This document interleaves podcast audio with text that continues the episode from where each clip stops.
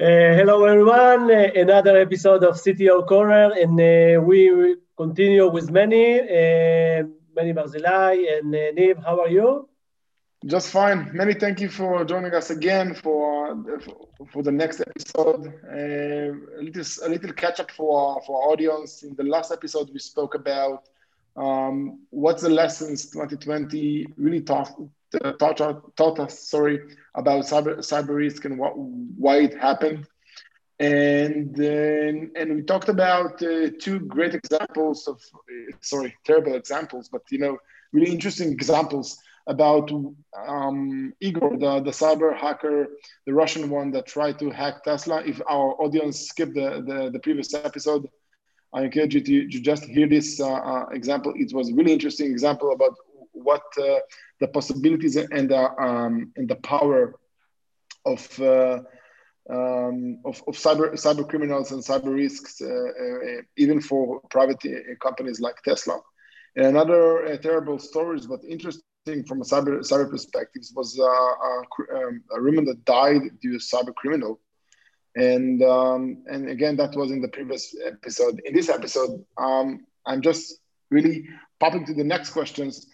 So all the cyber criminals, oh sorry, all the cyber cyber guys, really talking about what happened in SolarWinds in, in the last quarter, and it looks like was really, really uh, um, um, historical event what happened in SolarWinds. Can you can you elaborate from your point of view what got what so imp- important in the in the SolarWinds event? Yeah, so definitely, probably one of the most uh, one of the biggest events that ever happened in the world. Um, um, uh, in, in the sense uh, of the quantity of companies that got hacked with this one attack. And more than that, um, some of the leading cybersecurity vendors of the world got attacked through this attack. And what happened is that there is a company called SolarWind, and they have a product, and this product helps big organizations to manage their IT. And this is one of the leading products in the world. And because of that, leading companies around the world use it, including Microsoft, FireEye, which is one of the biggest cybersecurity companies in the world, uh, a lot of uh, Fortune 500 companies, um, the US government. So, hackers, probably from Russia, according to what was published, probably Russian hackers, um, were, were able to hack SolarWind, the company. And what they did there is that they took control over the patching mechanism. There is a system inside um, SolarWind, which is which which its job is to issue uh, software updates to all the SolarWind products in its customers. And the hackers who took control over this um, system were able to send a backdoor into each and every SolarWind system that was installed in each of, and every of those um, SolarWind customers. Now, it, it didn't affect every version and every product, but it affected the product that had a significant um, presence in many, many companies. And after this patch, um, the hackers were able to connect to those SolarWind systems and through them to connect to the network of those customers and through that to start doing whatever they want. Now, um, the first ones to discover this attack were FireEye which is impressive. And then Microsoft uh, discovered this attack, and then other entities started discovering that they were also affected by this SolarWind attack. But the interesting thing is that I think it took about nine months, six months. I don't remember the exact uh, uh, time. But this is amazing that even for the leading cybersecurity companies in the world, it sometimes takes months to discover that they were attacked. Um, um, in Hebrew, we would say, uh, "Im barazim naflash al hevet ma'agidu ezuvakir," that it would be translated to something. If the big guys are failing, what would the small guys would say, right? Um, so yeah, and when the hackers used SolarWind to, product to access those networks, apparently, according to what we know right now, they were able to steal a lot of sensitive information from US um, governmental entities, uh, from other companies. Microsoft said that the hackers were not able to access any sensitive information. And FireEye, I think FireEye said that they only took um, a lot of attacking systems that were most of them were already public, but they also the, the hackers were able to steal some attack systems that FireEye used that were not public. That made the hackers stronger because now they have the attack tools that FireEye used. And we are still in the process of discovering what happened. You know, more and more companies discovered that they were hacked, including some companies in Israel. Um, more and more companies discover that their in- information got stolen. And more and more big security vendors discovered they were attacked via the same attack. And this is so I think only a year from now we will be able to summarize what happened in SolarWinds, one of the biggest hacks that we had in the US. You know, many uh, the trend of hacking the supply chain instead of hacking the company directly. I, I assume that's you know the, uh, when we spoke in the in, in the previous episodes about the insider threats. You know, once once you cannot bypass the perimeters and the firewalls and the big barriers that the, the, the security guys in the organizations, when you're looking about the next step, you said, okay, I cannot, um, you know, attack organization because it's too big. As you said, they are too big for that. So why not attacking the small companies? And, and, and, again, SolarWinds is not U.S. government so I will attack the, the, the, company that the US government are using because I assuming their security principles are, um, um, um, are less dramatically uh, than, than the US government itself. But you know, now we scared our audience. So before they take the, uh, take the heat under the table, you know, with the, with the helmets, uh, I, am just curious: is there any good um, advice from this event, or we don't know it yet. Yeah, so there are many things that companies should consider. A, I want to I want to start by agreeing with everything that you said. I think the supply chain risk is one of the biggest risks that company have right now. Um, companies use so many suppliers, and in today's world, with those uh, cloud services, sometimes it's not very clear where does the organization end and the supplier begins. So we're interconnected and if one organization get hacked, then the hackers can move from there to one of their service providers, and from there to all of the service providers' uh, customers. Um, so we are interconnected, and this is my first um, um, uh, tip, I would say, or advice um, which is to understand that this is not a competition. This is a boat. We're all on this boat together. Cybersecurity incidents uh, in an interconnected world, cybersecurity incidents can affect everyone and anyone. So we should think hackers and criminals are so good in working together, sharing information, sharing tools, um, you know, like initiating joint projects. Uh, we are cyber, cyber people. We should be much better than they are and we should work together we should share information we should do those kind of things that you guys do um, which is this kind of webinars where people share information. I think those are great and thank you so much for spending the time and effort in bringing knowledge to the world. Um, and i think that uh, we should do that. The second thing is definitely manage your supply chain risk. Understand that um, the threat there is a good chance that the threat will come from there.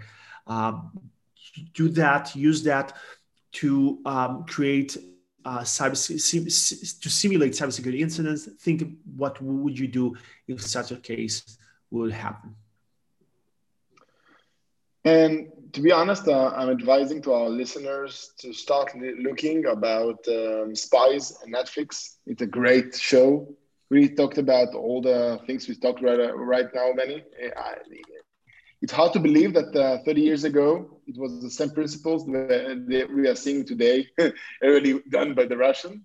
So I, I will not uh, do a spoiler alert to my to our audience, but uh, you will see an, a lot of thought how to uh, intervene uh, organization, how to uh, uh, how to hack data, how to hack facilities, and and again, when we're talking about nationwide, that's that that's still a nationwide responsibility to protect us, I believe. Um, so, what? But now let's try to be more optimistic about that.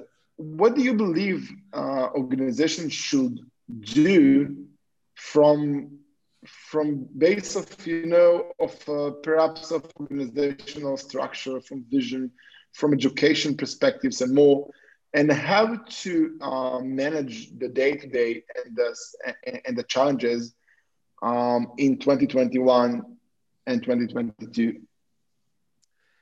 So um, that's a very good question. Um, people didn't hear that the previous um, uh, episode.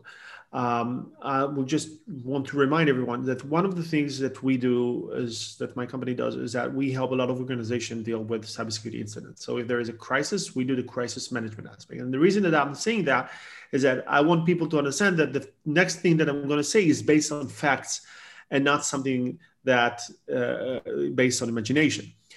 And the thing that I want to say is that even companies that sometimes invest hundreds of, of millions of dollars in cybersecurity um, are surprised when they discover that they have no clue how to manage a cybersecurity incident. Um, and it's important to remember that uh, managing cybersecurity incident is a separate topic that you should invest time and effort specifically on that. An interesting notion about cybersecurity incidents is that um, the, the damages that organizations face because of an incident um, comes from two places the direct damage and the indirect damage. The direct damage would be uh, the, the ransom, for example, that the hacker asked, right? Um, the, the, the, the money that you would pay for companies like me that comes and do the crisis management, so, so on and so forth. And the indirect damages would be things like um, getting sued because you lost information um, and so on and so forth. And the, and the, the secret is, it's a well-known secret, is that the damages, the indirect damages are much, much greater than the direct damages. Um, um, as, as I said, being sued, dealing with those lawsuits, sometimes losing in those lawsuits, uh, being getting fines from the regulators, uh, losing customers, uh, finding it hard to find new customers uh, changing the focus of the organizations from what you're doing to cybersecurity, uh, spending so much uh, time and effort in implementing new cybersecurity solutions.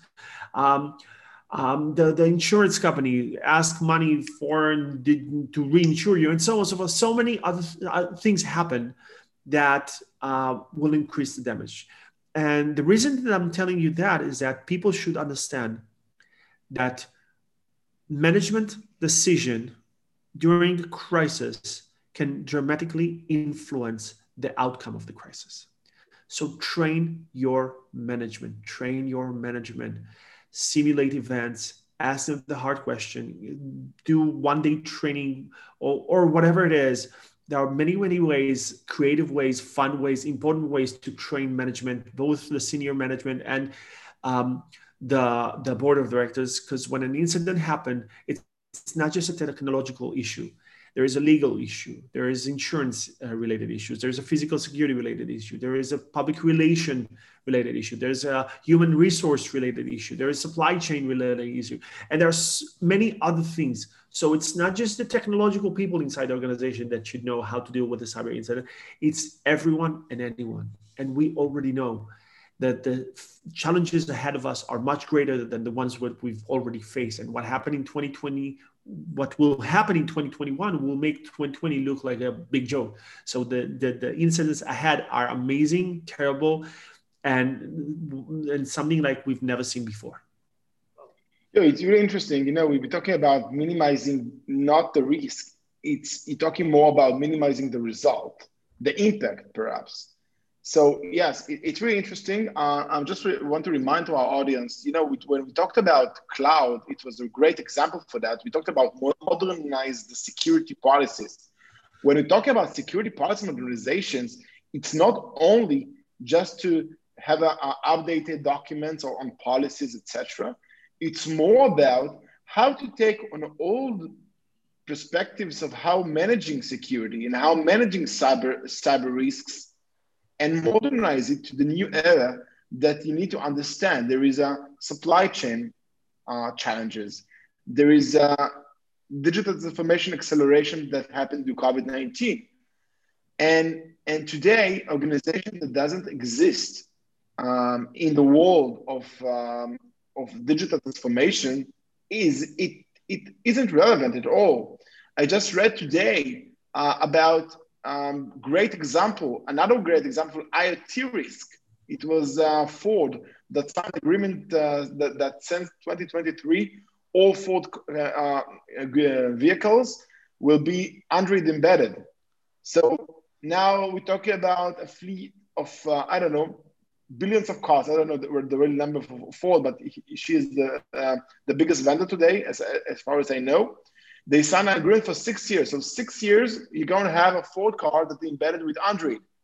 And that's a cyber uh, challenge. I don't want to call it a risk. It's a cyber challenge. So yes. So you talked about the result. I'm talking about the process. And I, completely agree with you, Menny. Uh, if we not train ourselves for a deadly day, we are not going to be prepared for that. So don't save in this area and, and be ready. So if I'm trying to recap what you said, Menny, um, if you have something to comment to that, it's great, great. But um, if not, we're going to move to, to our final questions. But um, uh, I'm just curious about if we're trying to take uh, 2021, uh, what is the biggest advice you believe that organizations should do? I like to, you know, like in the Israeli military, I like to, to summarize with three uh, because the three advice it's uh, easier than the, 30. Um, so what is your advice for, for, for 2021? So I think that um, number one would be um, um, don't count on, on your ability to predict what will happen. So a year and a half uh, ago, nobody imagined that we will be in this situation. I used to travel to 15, 20 countries every year to, to give talks, to do various projects, and I didn't, didn't leave Israel for the past year. So I didn't imagine that we will be trained to, to our houses and that we will have the that we will force to wear masks. So we we didn't have the ability to predict the current situation. Maybe some people, like like a few people, like Bill Gates had ability, but most of us didn't have this ability. Um, and and when I was request when I was asked to write an article about uh, what COVID nineteen taught us about cybersecurity, and, and the first thing that I said that shit happens, you know, and it will continue on happening. So number one would be things bad things will happen. You will get attacked. The biggest companies in the world got attacked, and this will happen to you. Just keep that in mind. The second thing is that uh, invest in your cybersecurity people, train them, spend money on improving their understanding of the cybersecurity threats. Um, th- this is the easiest way to improve your cybersecurity posture, just improving your people's knowledge. And the third thing uh, is um, it would be what I said before is remember that we have to work together. This is not a competition. This is both. We have to work together. Pick up the phone, call your friends, uh, meet them, have those Zoom conversation with them. Just make sure that you share information, knowledge, insights about what have happened. Uh, if you want to contact me, there's I think this is my website. You can see it here on in the, the other side. In the other side. The other side. Oh, is it on my camera? This is the side. Oh, interesting. Yeah, yeah. Yeah, this is right. Oh, this is interesting. This is I, I learned new thing today that on Zoom uh, thanks God, this is the first time I'm doing that. Uh, so it's either here or here, depending on what's I don't know. Or there. Yeah, or there. Or, yeah, mennyb.com, m-e-n-n-y-b.com. There you can join my newsletter or whatever. Uh, drop me a question and whatever. So yeah those are my things. Yeah, I, I think it was a, a two great uh, episode that that uh, we had uh, with you, Menny, and uh, you, you, say the SolarWinds uh, only next year, so we will invite you to the next year from from right now. And uh, Niv, I, you were so passionate about it, so I really shut up more of the of the episode, but I really enjoyed, and I think that were two of our best episodes that we have. So really, Menny, thank you for your time Thank you guys. Menny, uh, it was our pleasure to host you. It was exciting uh, episode for me. Uh, if people uh, people that know me that and and follow my my my network know that I'm really uh, passionate about cybersecurity, and um, and I will I want to say thank you and um, hope that our audience we'll uh, we'll take your your great tips about what to do in 2021 and and for all our audience stay safe stay home and um, thank you very much Neil Varel, thank you for inviting me and thank you for hosting me. Bye bye. Bye bye.